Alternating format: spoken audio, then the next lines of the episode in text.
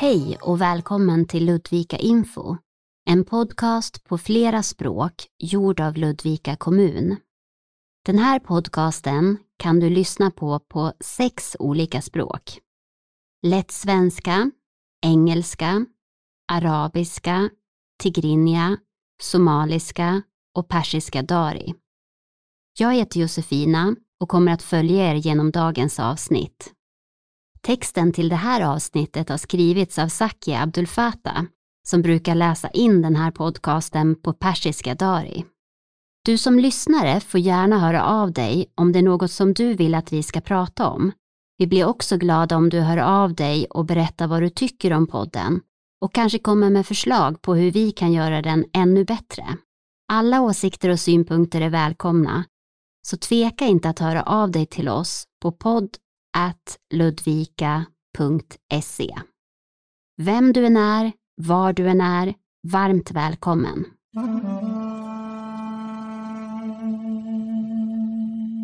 Vi börjar det här avsnittet lite annorlunda.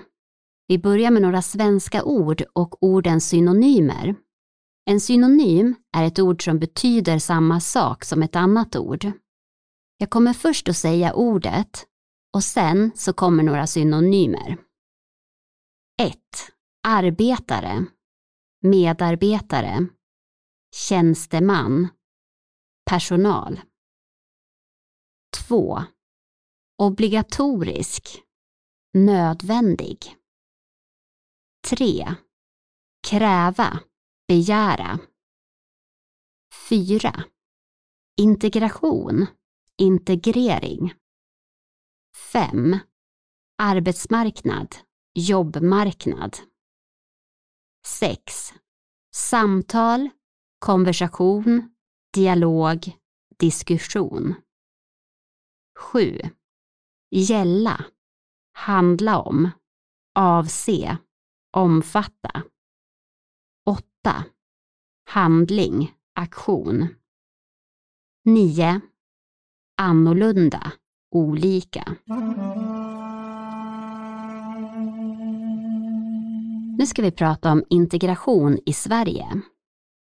Kanske har du hört ordet integration när människor pratar om invandring och invandrare. Men vad betyder egentligen ordet integration? Integration betyder att olika människor som har olika bakgrund ska känna en gemenskap, att de hör hemma i samhället. Det vill säga att alla ska känna sig som en del av det svenska samhället oavsett vart man kommer ifrån. Samtal om integration leder ofta till diskussion bland svenskar och svenska politiker. En del människor tycker att integrationen i Sverige har fungerat dåligt, medan andra tycker att den har fungerat bra. Anledningen till att en del tycker att integrationen inte har fungerat i Sverige är bland annat att många utrikesfödda inte har jobb och att kriminaliteten, eller antalet begångna brott, ökar i Sverige. Men är det egentligen sant? Statistiska centralbyrån är en svensk myndighet som ansvarar för officiell statlig statistik. Statistik är siffror som har samlats in. Det finns till exempel statistik över hur många som inte har ett jobb. Enligt Statistiska centralbyrån så var arbetslösheten bland utrikesfödda 18,9 procent jämfört med 4,4 procent bland inrikesfödda. Siffrorna kommer från år 2020. Eftersom det är mycket högre arbetslöshet bland utrikesfödda än inrikesfödda tycker en del människor att integrationen i Sverige inte har fungerat. Kriminalitet och brott har ökat i Sverige, visar statistiken från Brottsförebyggande rådet, en myndighet som jobbar för att minska brottsligheten i Sverige. Antalet personer i Sverige som har utsatts för sexualbrott var runt 1,5 procent år 2006. År 2014 var andelen 2 procent och sedan 2014 har antalet ökat ännu mer.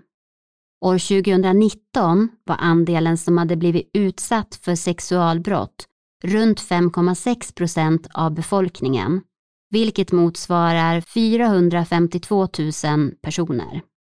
Lyssna vidare så kommer vi snart att berätta mer om vad ett sexualbrott är för något. Dödligt våld, alltså när en person har dött efter att ha blivit slagen eller utsatt för våld, har också ökat sedan 2010. År 2010 blev 91 personer utsatta för dödligt våld. År 2015 var antalet 112 personer och år 2020 var antalet 124 personer. Men är det då invandringen som ligger bakom att kriminalitet och våld ökar i Sverige? Det finns ingen ny forskning som säger det. Brottsförebyggande rådets utredning från 2005 visar att det är 2,5 gånger vanligare att utrikesfödda och deras barn begår ett brott. Forskarna tror att det kan ha flera förklaringar. Det skulle kunna bero på diskriminering, till exempel genom att polisen oftare är i områden där många utrikesfödda bor. Därför upptäcks fler misstänkta brott. Det skulle också kunna bero på att arbetslösheten är högre bland utrikesfödda. Forskning visar att det är vanligare att en person som är fattig eller har dålig ekonomi begår brott. Men Brottsförebyggande rådets undersökning visar också att de flesta brotten begicks av personer som är födda i Sverige och som har svenska föräldrar.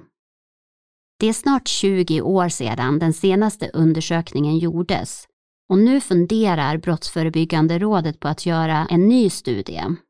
De vill då ta fram fakta om brottslighet bland personer födda i Sverige och bland invandrare. Brottsförebyggande rådet har märkt att frågan om invandrare begår fler brott har blivit vanligare i den politiska diskussionen. De politiska partierna Moderaterna och Sverigedemokraterna vill att Brottsförebyggande rådet gör en ny undersökning. Om du har utsatts för sexualbrott eller något annat brott så kan du få hjälp. Ingen har rätt att ha sex med dig om du inte vill. Det säger lagen i Sverige.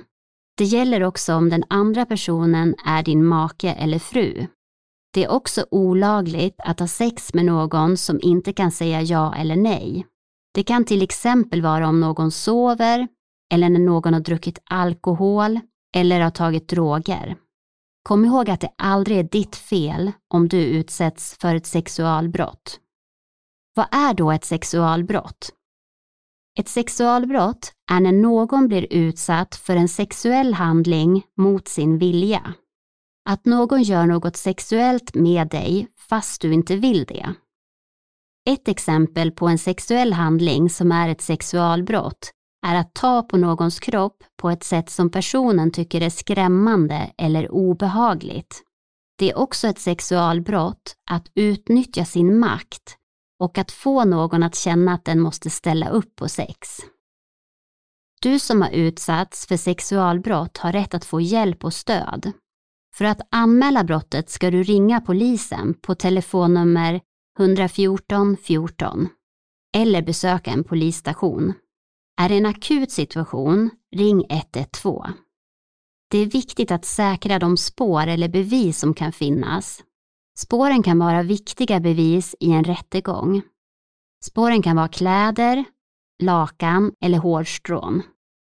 Om du kontaktar polisen direkt efter händelsen hjälper de dig att söka spår och ser till att du får träffa en läkare. Det är viktigt att du träffar en läkare eller någon annan som jobbar inom vården. De kan hjälpa dig att ta olika prover som kan vara viktiga bevis i en rättegång. Det finns flera organisationer och verksamheter som kan hjälpa dig och ge dig stöd vid sexualbrott och våld i nära relationer. Brottsofferjourernas riksförbund är en organisation som ger stöd till personer som utsatts för ett brott. Personer som har sett ett brott eller anhöriga till de som har utsatts. Du behöver inte säga vad du heter när du kontaktar dem. Du kan få stöd oavsett vem du är och vad du har blivit utsatt för. Brottsofferjouren erbjuder även stöd på olika språk. Telefonnumret är 116 006. När du ringer får du först tala med någon på svenska eller engelska. Sedan kan du bli kopplad till någon som kan ditt språk. Brottsofferjouren kan hjälpa dig genom att du får någon att prata med. Det kan också ge dig information om hur det fungerar att göra en anmälan till polisen.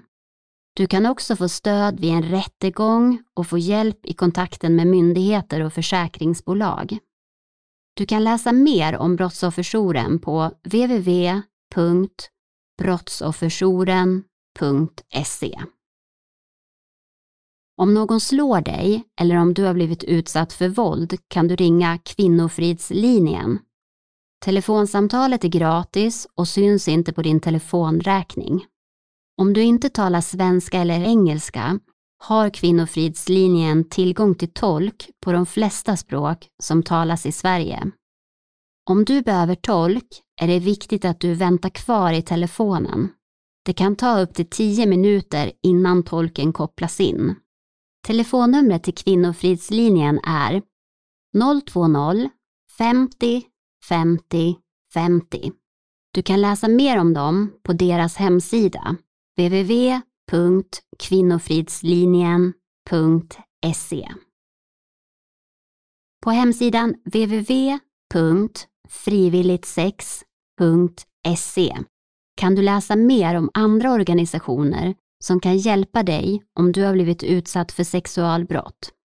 Informationen på hemsidan kan läsas på lätt svenska och 15 andra språk. På tal om kriminalitet så kan vi också berätta att polisen i Sverige vill få större möjlighet att avlyssna personer via telefon. Att avlyssna ett samtal betyder att man lyssnar på det utan att personerna som talar vet om det. Idag får polisen bara avlyssna personer som är misstänkta för ett brott som kan ge minst två års fängelse. Polisen vill avlyssna fler personer för att kunna bekämpa kriminalitet på ett bättre sätt. För att polisen ska få rätt att avlyssna fler personer behöver regeringen ändra på reglerna.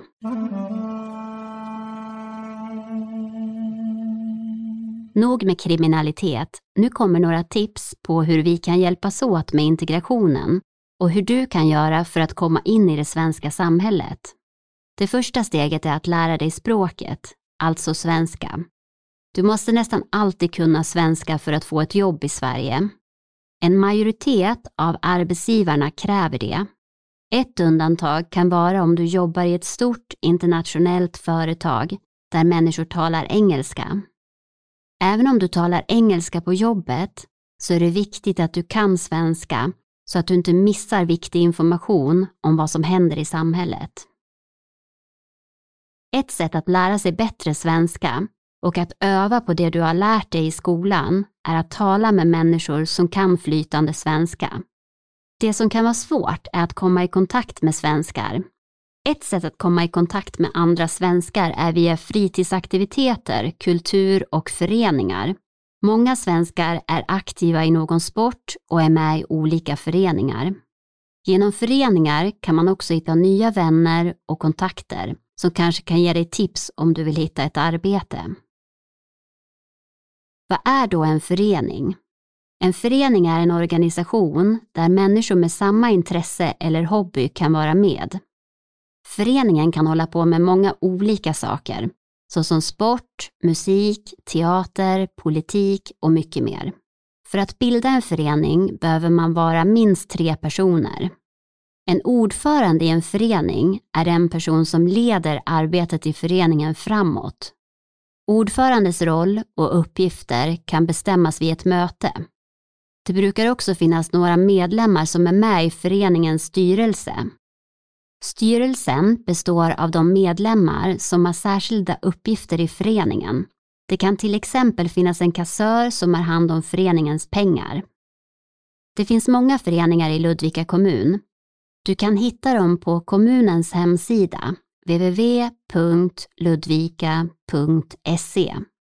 Om du går in på hemsidan och söker på föreningar så kommer du till ett föreningsregister.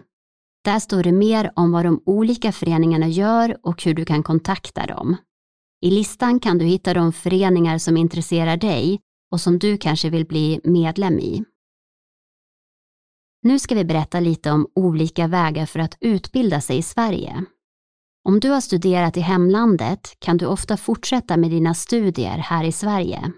Vi börjar med att berätta lite om det svenska skolsystemet för barn. Det är obligatoriskt för barn från sex års ålder att börja i förskoleklass. Efter förskoleklassen börjar barnen i grundskolan, som också är obligatorisk. Att skolan är obligatorisk betyder att alla barn i Sverige måste gå i grundskolan. De har något som kallas skolplikt. I Sverige råder skolplikt från förskoleklass och i grundskolans årskurs 1 till 9, totalt 10 år. Att gå i skolan är gratis. Efter grundskoleutbildningen går de flesta ungdomar tre år i gymnasieskolan. Om man är ny i Sverige och har fått permanent uppehållstillstånd har du rätt att börja gymnasiet om du hinner börja utbildningen innan du fyller 18 år. Gymnasieskolan kan förbereda för att börja jobba direkt eller för att fortsätta studera på yrkeshögskola, högskola eller universitet. I gymnasieskolan finns det många olika program som eleverna kan välja bland. Utbildningarna i gymnasieskolan delas in i två kategorier. Yrkesförberedande eller högskoleförberedande utbildningar. Yrkesförberedande utbildningar är de utbildningar som leder direkt till ett yrke. När eleven är klar med utbildningen så kan han eller hon söka jobb eller kanske starta ett företag. Ett högskoleförberedande program är precis som det låter. Programmet förbereder dig för att börja läsa på högskola eller universitet.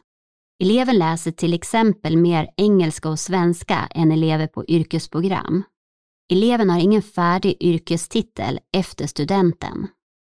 För att lära dig mer om de olika programmen på gymnasiet kan du vända dig till en SYV. SYV är en förkortning av studie och yrkesvägledare.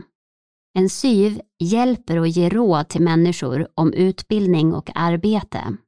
De jobbar i skolan. Du kan också hitta mer information om gymnasieutbildningar på hemsidan www.gymnasieguiden.se. Där finns det mycket information om olika gymnasieskolor. Elever som studerar på gymnasiet kan få pengar eller bidrag. Är eleven under 18 år så betalas pengarna ut till vårdnadshavaren, alltså till en förälder eller förmyndare. Studiebidrag får elever som har fyllt 16 år. Innan det får föräldrarna barnbidrag från Försäkringskassan.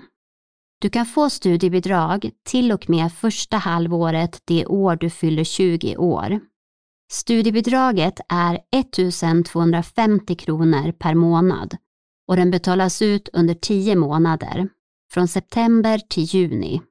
Om eleven inte går till skolan eller om utbildningen är kortare än 9 månader under ett läsår så kanske eleven inte får studiebidrag i juni. Elever kan ha rätt till fler bidrag, till exempel om familjen har låg inkomst. Du kan också få extra pengar om du studerar i en annan stad och behöver bo där. Du kan lära dig mer om bidragen och hur man söker dem på www.csn.se. Gå in på sidan och sök efter studiebidrag. Det finns många utbildningar för vuxna personer som vill plugga vidare. Utbildningar finns på grundläggande nivå.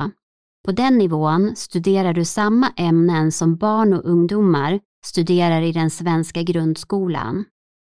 Det finns även utbildning för vuxna på gymnasienivå. Här studerar du kurser som motsvarar de ämnen som finns på gymnasieprogrammen för ungdomar. Du kan också studera på eftergymnasial nivå till exempel på universitetet eller högskola. För att börja på universitet och högskola behöver du först vara klar med studierna på grundläggande och gymnasial nivå. Vuxna som vill studera på grundskolan eller gymnasiet kan göra det på den kommunala vuxenutbildningen. I Ludvika finns VBU, eller Västerbergslagens utbildningsförbund. Förutom svenska för invandrare så kan du läsa flera andra ämnen och utbildningar. Är du klar med din gymnasieutbildning så kan du läsa på yrkeshögskola. Vill du veta mer om yrkeshögskolan, då kan du lyssna på avsnitt 6 av denna podcast. I det avsnittet berättar vi mer om studier på yrkeshögskola. En annan möjlighet är att studera på folkhögskola. En folkhögskola är en skola för vuxna människor som vill studera. På en folkhögskola kan du läsa kurser på grundläggande och gymnasial nivå. På en del folkhögskolor kan man bo på skolan medan man studerar. Om du har en utbildning från ett annat land än Sverige kan du behöva gå en kompletterande utbildning. I den utbildningen får du lära dig det som krävs för att arbeta inom yrket i Sverige. På universitet och högskolor finns det till exempel kompletterande utbildningar för ekonomer, ingenjörer, sjuksköterskor, socionomer, läkare, lärare med flera. De här utbildningarna kan vara mellan ett och två år långa och du kan söka pengar från Centrala studiestödsnämnden som också kallas CSN. Om du vill veta mer om kompletterande utbildningar då kan du besöka www.studera.nu och sedan söka efter kompletterande utbildningar.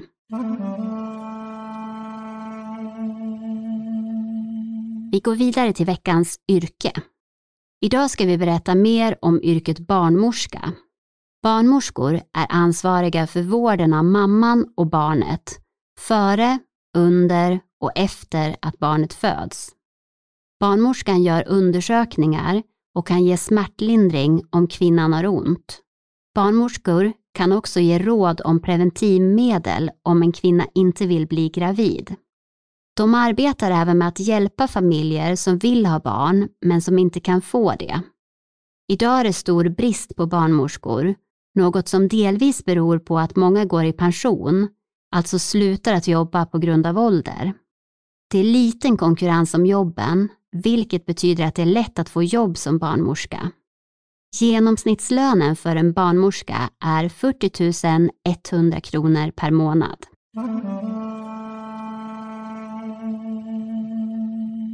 Vi avslutar med en nyhet om covid-19. Från och med den 2 april kan elever i gymnasieskolan börja studera på plats i skolan igen.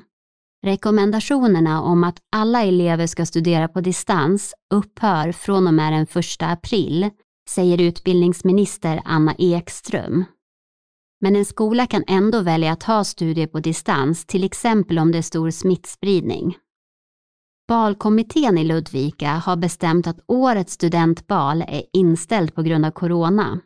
Studentbalen är en fest där de som är klara med sina studier på gymnasiet klär upp sig i fina klänningar och kostymer för att fira studenten.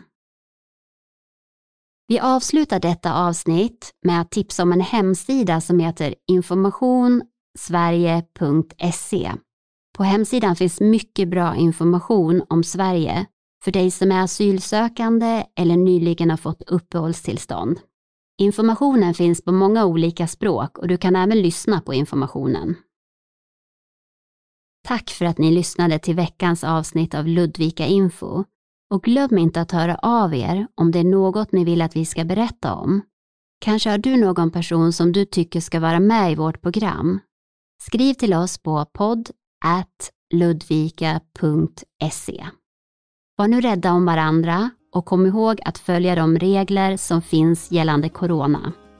Jag heter Josefina och mitt emot mig sitter vår duktiga ljudtekniker Matti. Vi hörs snart igen. Jag spelar för livet, för allting som växer, som lever och andas och föds och dör.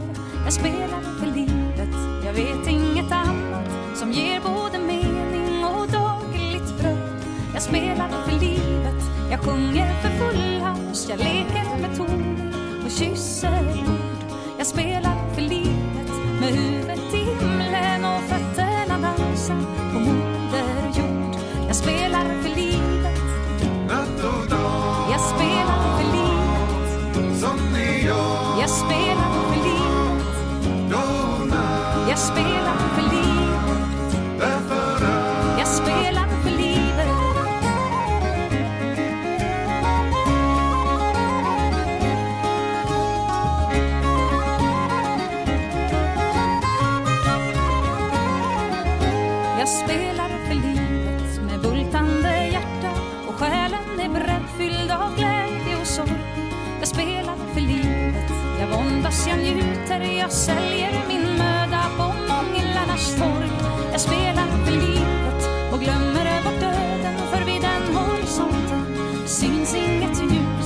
spelat för livet och litar på tiden som alltid har växt.